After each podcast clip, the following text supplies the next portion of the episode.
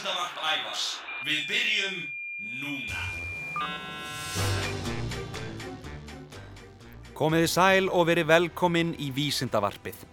Ég heiti Ævar og í þættinum í dag ætlum við að dempa okkur á bólakaf í hafið.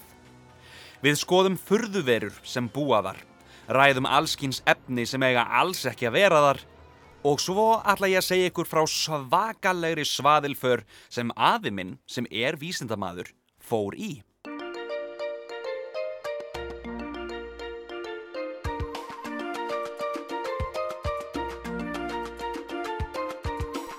Hafið er að langmestum hluta orði til úr gósgufum sem losnað hafa í eldgósum á 4500 miljón ára æfi jarðar.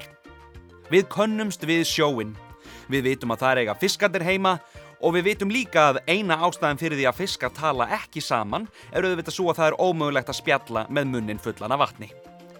Þegar við förum til sólarlanda finnst okkur gott að baða okkur í heitum sjónum og svo eru auðvitað margir Íslendingar sem stundar sjósund hér heima. Og þá skiptir engu máli hvert hitastegið á vatninu er. Gott og vel. Við vitum hvað sjórin er. Við höfum öll séðan eða heyrt í honum. En hvað með alla mengunina sem er í sjónum? Vísendavefur Háskóla Íslands segir Orðatildækið lengi tekur sjórin við er vel þekkt en það var almenn trúmanna að hafið, þetta gríðarlega flæmi sem þekur um 70% af yfirborði jarðar, gæti endalust tekið við úrgangi okkar mannfólksins. Nú þegar mannfólkið er komið yfir 7 miljarda og óhugnalegt magnaf úrgangi og spillefnum berst á hverjum degi í hafið, er að koma í ljós ímsar óæskilegar breytingar á vistkerfi sjávar af völdum manna.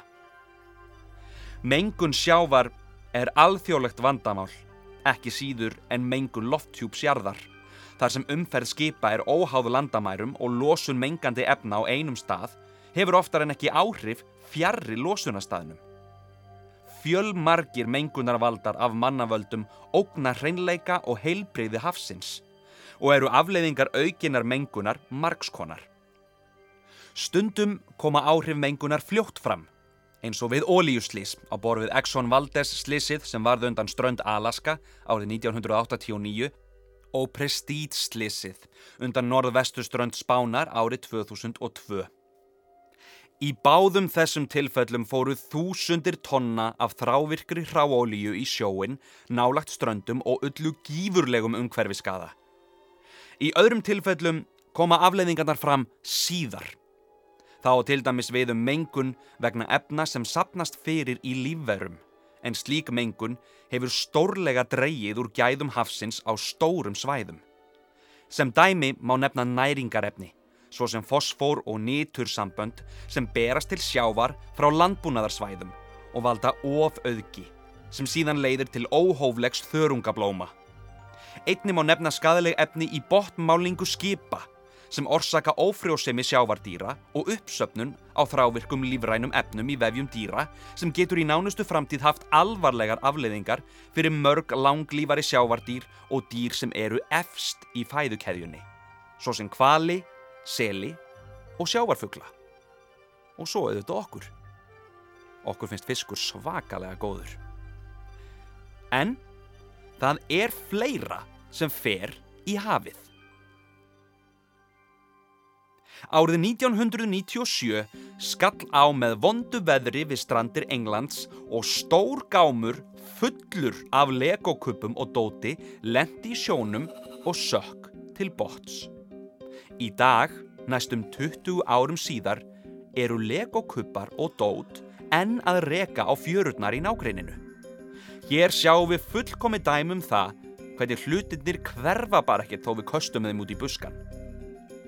Samtals voru þetta, og haldið ykkur nú fast, 4.756.940 legokuppar og leikfeng sem sjórin glifti. Takk fyrir kjallega. Og af einskjari tilviljun var stór hluti legokuppana með sjávarþema, eins og til dæmis sjóraningjar, kavarar og legoþari. Og hafa krakkar í Cornwall í Englandi fundið hína ymsu legokuppa í sandinum á heitum sumardögum í fjöldamörg ár. Lego drekar hafa fundist sem og Lego blóm en best af öllu, best af öllu er að finna svartan Lego kolkrabba. Þeir eru gríðarlega sjaldgæfir. En það sem er þó merkilegast við þetta allt saman er ekki bara það að kupparnir eigðast nánast ekkert upp í sjónum, heldur það að sjávarströymarnir hafa feikt þeim um allan heim. Í dag er bandarískur haffræðingur sem fylgist með hvar þeir enda. Ef þú ferð eitthvað tíma niður í fjöru og finnur Lego, þá gæti verið að kuppurinn hafi komið frá Englandi. Þið getið fylst með Lego-kuppunum við Cornwall á Facebook en slóðin er facebook.com skástrygg Lego Lost at Sea í einu orði. Úr einu í annað. Það er margt frá okkur mönnunum sem endar ofar í hafinu en stundum lumar hafið á gladning handa okkur. Surtsey myndaðist í neðansjávar gósi í november 1963 130 metra ofan í sjónum. Það er alls ekki sjálfsagt að eiga rísi úr hafinu þegar eldgós verður neðansjávar og þess vegna er Surtsey afar merkilegt fyrirbæri. Til að byrja með var Surtsey alveg svört en smám saman byrjaði að vaksa gróður á henni. Fugglar, sjór og vindur fluttu fræ á eiguna sem tók þeim fagnandi. Eian er friðlýst svo vísindamenn geti fylst nákvæmlega með því hvernig dýr og plöntur nema land á nýjum stöðum, hvernig lífríkiðar þróast og jarðmyndanir mótast án trublunar frá mönnum. Nú langar með að segja eitthvað smá sögu.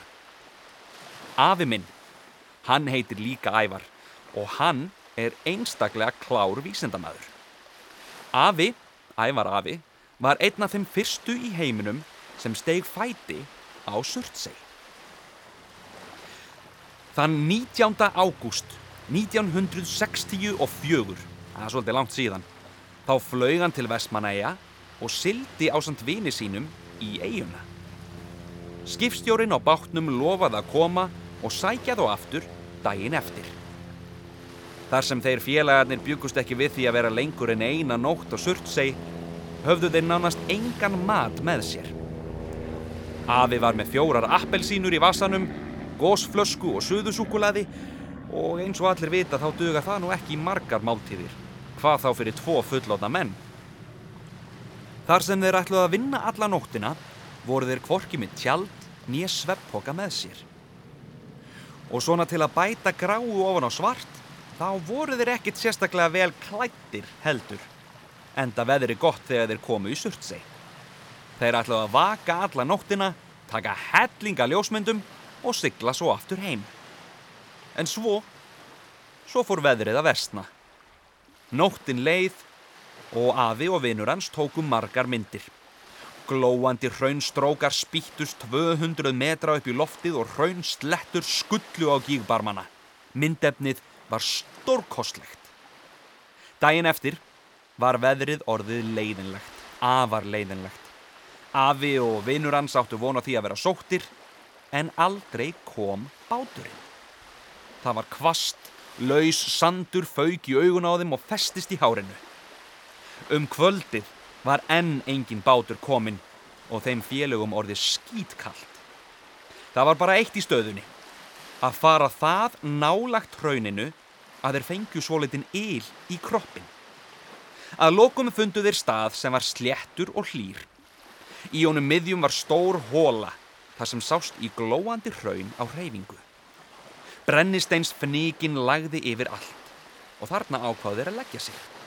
Þeir vorum um 100 metra frá stórum gíg sem spýtti hraunni lengst upp í loftið og þess vegna ákvaðu þeir að þeir eru að skiptast á að vaka ef skekkinni að gígurinn myndi breyta um hegðun og fara að sletta bráðnu hraunni í áttina til þeirra. Ef það myndi gerast, væru þeir báðir steindauðir og svo steinsopnuðu þeir báðir. Þegar þeir vöknuðu morgunin eftir voru þeir sem betur fer enn á lífi. Veðrið var svipað og daginn áður og afi tók úlpuna sína sem hann hafði sett undir höfuðið og notað sem kotta og fann að hún var brennheit. Hann þreyfaði í úlpuvasanum eftir gleruónum sínum en það var sama hvað hann leitaði, hann fann þau ekki. Hins vegar fann hann tvö gler og svo ekkert plastkuðul sem hann kannaðist ekkert við. Það tók hann smá tíma að fatta hvað hafði gerst. Glerugun höfðu bráðunnað. Þeir byðu allan daginn eftir því að vera sóttir og sá litli matur sem þeir höfðu haft með sér var búinn og þeir voru farnir að halda að þeir yrðu varla mikið eldri. Nóttina eftir, ennþá engin bátur búin að koma, nóttina eftir þá láguðir utan í gígbarminum, horðu á glóandi hraunið og letu drunurnar í gígnum syngja sig í svepp. Þegar þeir skriðu á fætur morgunin eftir, leið þeim ömurlega. Þorstinn og hungrið voru ærandi, þeir gengi af stað og stemdu á stóra brekku á eigunni. Á leiðinu upp snýri afi sér að vini sínum og sagði, svona í gríni, Ekki væri ónýtt ef það byð okkar heit súpa og kannski eitthvað að drekka þegar við komum upp á fjallið. Í þjóðsugum er stundum talað um óskastund og ef maður er rosalega heppin þá hittir maður á hana. Afi virðist hafa haft heppnina með sér því um leið og þeir félagar náðu toppnum var annar maður að koma upp brekkuna hinum eigin frá. Og vitimenn, hann var með vatn að drekka og súpu á brúsa. Þetta var bandarískur maður sem hafði styrt surtsegarfélagið og langaði að heimsækja eiguna á ferðsinum Ísland. Þyrlan sem hann kom með hafði lent hinum eigin á surtseg án þess að afi og félagi hans heyrðu í henni. Maðurinn vissi að tveir menn væru veðurteftir í eigunni og þess vegna var súpunni kift með. Afi og félagi hans flugu með þyrlunni aftur til Vestmanæja og þaðan til Reykjavíkur. Döðfegnir og reynslunni ríkari. Og þannig endaði þessi svaðilför í Surtsey.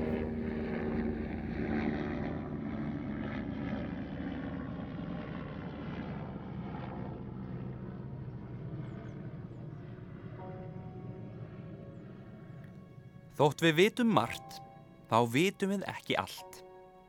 Jörðin er 70% vatn og sumstaðar nær sjórin svo miklu dýpi að við getum ekki með neinu móti komist að því hvað leynist þar. Árið 2002 greindi fréttastofa CNN frá því að vísindamenn hefðu eitt mörgum árum í að rannsaka dularfullt hljóð úr djúpum hafsins.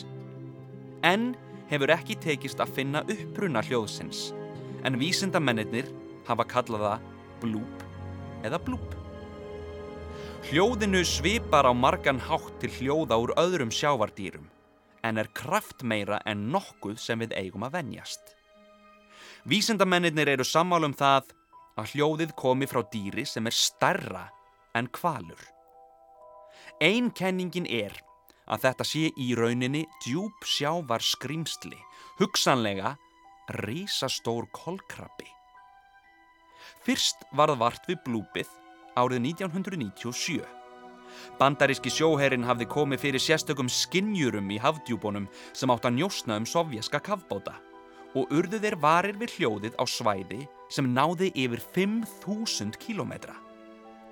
Tíðinni hljóðsins gaf til kynna að það var í mun hærra en önnur dýrahljóð.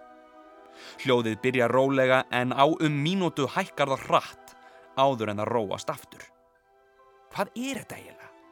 Getur verið að í hafdjúbónum leynist rísastór kolkrabbi. Dauðir kvalir hafa fundist með sár eftir rísa sokskálar og rísa kolkröpum hefur skólað á land, en enginn hefur séð á á lífi. Stærsti dauði rísa kolkrabbin hafði arma sem voru yfir átján metrar að lengt. Sjómenn hafa líka um aldaraðir sagt frá risastórum kolkröpum sem náðu hærra en seglin sjálf og dróðu skipin með sér niður í djúpin. Í raun veit engin hversu stórir þeir geta orðið. Phil Lobel, sjávarlífræðingur hjá Boston Háskóla í Bandaríkjónum, evast um að hljóðið sé frá risakolkrabba. Kolkrabbar get ekki gefið frá sér hljóð af þessari styrkleika gráðu. Hann tekur þó fram að hljóðið sé að öllum líkindum frá lífveru. Við skulum heyra aðeins í blúpinu.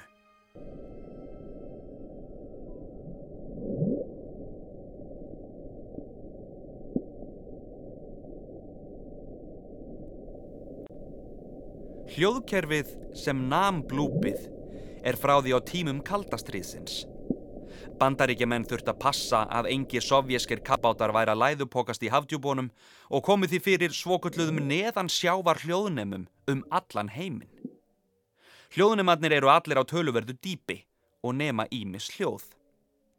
Flest hljóðin berast frá kvölum, skipum eða jarðhræringum, en sum fá vísindamennina til að reka í rógastans eins og blúpið.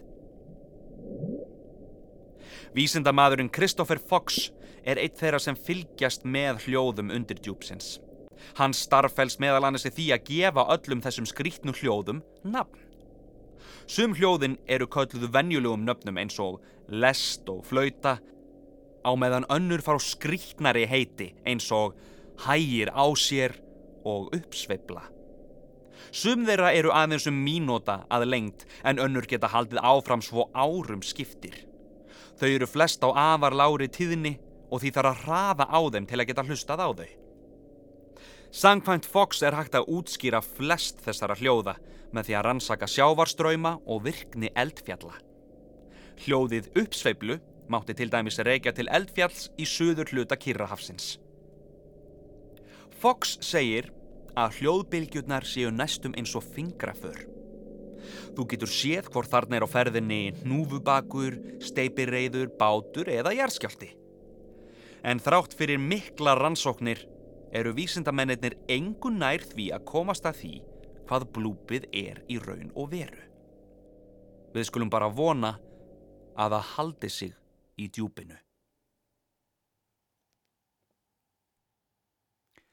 Og í lokin. Fyrst við erum að tala um sjó, uh, þá langar mig að segja ykkur eina sögu sem er nátengt sjó og vötnum og, uh, og froskum. Ryggning getur verið alveg frábær. Það er gaman að sulla í pollum og það er vísendalega sanna að það að drullum allan er eitt af því skemmtilegasta sem hægt er að gera. Auk þess er vatn lífsnauðsynlegt öllum lífverum. Við Íslendingar eigum mörg orð yfir ryggningu. Hér eru nokkur þeirra. Úrfelli, úrkoma, sutti, regn, demba, skrumba, deyfa, deibla, raglandi, skúr, slúð, rekja, slepja, úði, úrfelli, vassveður, votviðri, væta og hrakviðri. Svo nokkur séu nefnt.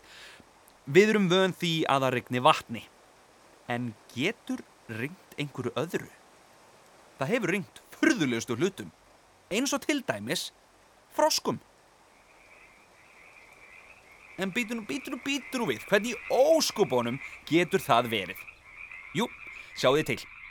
Froskar eru afar léttir. Þeir eiga heima í vötnum í útlöndum og stundum gerist það að kvirvilbilir eiga leið yfir.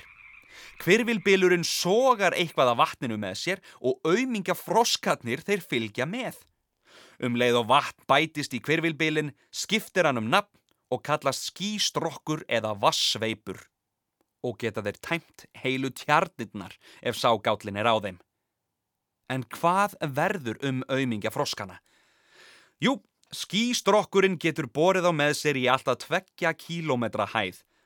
Mun hærra en nokkur froskur ætti nokkur tíman að fara og stundum farið með þá í langt ferðalag. Allt eftir því hversu lengi strókurinn lifir. Skístrókar lifa nefnilega ekki nema í nokkrar mínútur og í mestalagi örfáar klukkustundir og þegar þrýstingurinn mingar, tada, froskar. Þegar þrýstingurinn mingar hverfur strokkurinn smám saman og þá rignir froskum og öllu því sem strokkurinn sogaði með sér á ferðsinni. Stundum frjósa froskarnir því þeir eru komnir í svo mikla hæð og þá rignir frosnum froskum. En skýstrokkurinn er auðvitað ekki að sikta út froska sérstaklega, þeir eru bara mjög léttir. Skýstrokkurinn er svolítið eins og pollapöng með enga fordóma og grýpur bara allt með sér sem hann mögulega getur. Það hefur ringt eh, kolkröpum, fiskum, ormum, það er meira að segja til saga af því að lítill bátur hafi skindilega byrst af himnum ofan. En hefur eitthvað svona lagað gerst hér á Íslandi? Jú, sagan segir að árið 1947 á hróðnýjarstöðum í Dalabygð hafi heilum helling af síld reynt yfir túnið. Ég legg ekki meira á ykkur. Þættinum er lokið. Ég vil þakka Vísindavef Háskóla Íslands, vísindavefur.is og um leið minna á heimasíðu þáttarins rúf.is skástrygg ævar. Þar getur þú hlustað á gamla þætti, hlustað aftur á þennan þátt og jafnvel hlaðið öllum vísindavörpunum niður. Þannig að þú getur hlustað á þau hvar og hvenar sem er. Ég þakka fyrir mig, ævar vísindamaður, blúpið og nokkrir frosnir froskar, yfir og út.